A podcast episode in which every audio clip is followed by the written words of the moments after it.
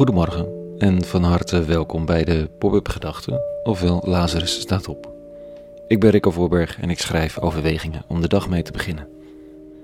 Vandaag met de titel Iemand moet het doorbreken. Pop-up Gedachten maandag 15 februari 2021.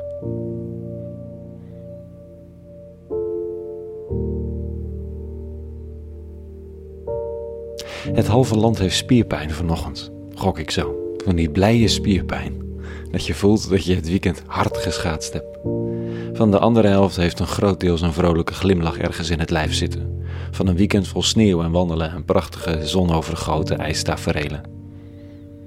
Er zijn er ook die balen, met een hekel aan schaatsen en een Valentijnsdag die allemaal relationele trauma's teweeg brengt.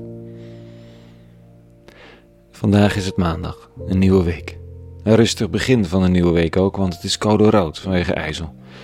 Dus we kunnen nog niet echt ergens heen. Komt wel weer. Op deze ochtend lees ik verder in die oude boeken van de Bijbel. Zo voordat de dag begint. De teksten die vandaag in misvieringen in heel het land, misschien wel heel de wereld, zullen worden voorgedragen. En ze gaan over moord en doodslag. Er zijn nog geen vier hoofdstukken die Bijbel in, of we hebben een broedermoord aan onze handen als mensheid. Zo'n lekker mensbeeld, dat christendom. Het gaat heel snel downhill. Begon het met vrolijke blote paradijsvierders in hoofdstuk 2, werden het appeldieven in 3 en 4 al broedermoordenaars. Het is Kain, de oudste, die zijn broer Abel doodslaat. Leefde de mens in dat scheppingsverhaal nog ver boven de streep in het licht, eenmaal eruit gedonderd is het ver onder de streep meteen ook stikdonker. De eeuwige is echter nog steeds zo aanwezig als in die tuin. Net als in het gesprekje met Adam en Eva na een illegale fruitoogst van die zo mythische boom der kennis van goed en kwaad, gaat de eeuwige nu ook Kain even vragen wat hij in godsnaam in zijn hoofd haalde toen hij besloot zijn broeder te doden. We staan voor de eerste moord in de geschiedenis en de schepper komt praten met zijn mislukkende topcreatie. Waar is Abel, je broer? Dat weet ik niet, antwoordde Kain. Moet ik soms waken over mijn broer? Wat heb je gedaan? zei de eeuwige. Hoor toch hoe het bloed van je broer uit de aarde naar mij schreeuwt. Dat doet dus onschuldig vergoten bloed. Dat gebeurt als er een mens kapot gemaakt wordt door zijn medemens. Dan wordt er geluidloos geschreeuwd tot in de eeuwige regionen. Het trilt gillend tot in de verste uithoeken om de eeuwige daar te bereiken, om die te smeken in te grijpen, te wreken, te veranderen, iets te doen. En de eeuwige spreekt zich uit tot Kain. Vervloekt ben jij. Ga weg van deze plek, waar de aarde haar mond heeft opengesperd om het bloed van je broer te ontvangen, het bloed dat jij vergoten hebt. Ook al bewerk je het land, het zal je niets meer opbrengen. Dolend en dwalend zul je over de aarde gaan. Kain zei tegen de eeuwige, mm, die straf is te zwaar. U verjaagt me nu van deze plek en ik mag u niet meer onder ogen komen. En als ik dan dolend en dwalend over de aarde moet gaan, dan kan iedereen die mij tegenkomt mij doden. Maar de Heer beloofde hem, als iemand jou doodt, zal dat zevenmaal aan hem worden gewroken.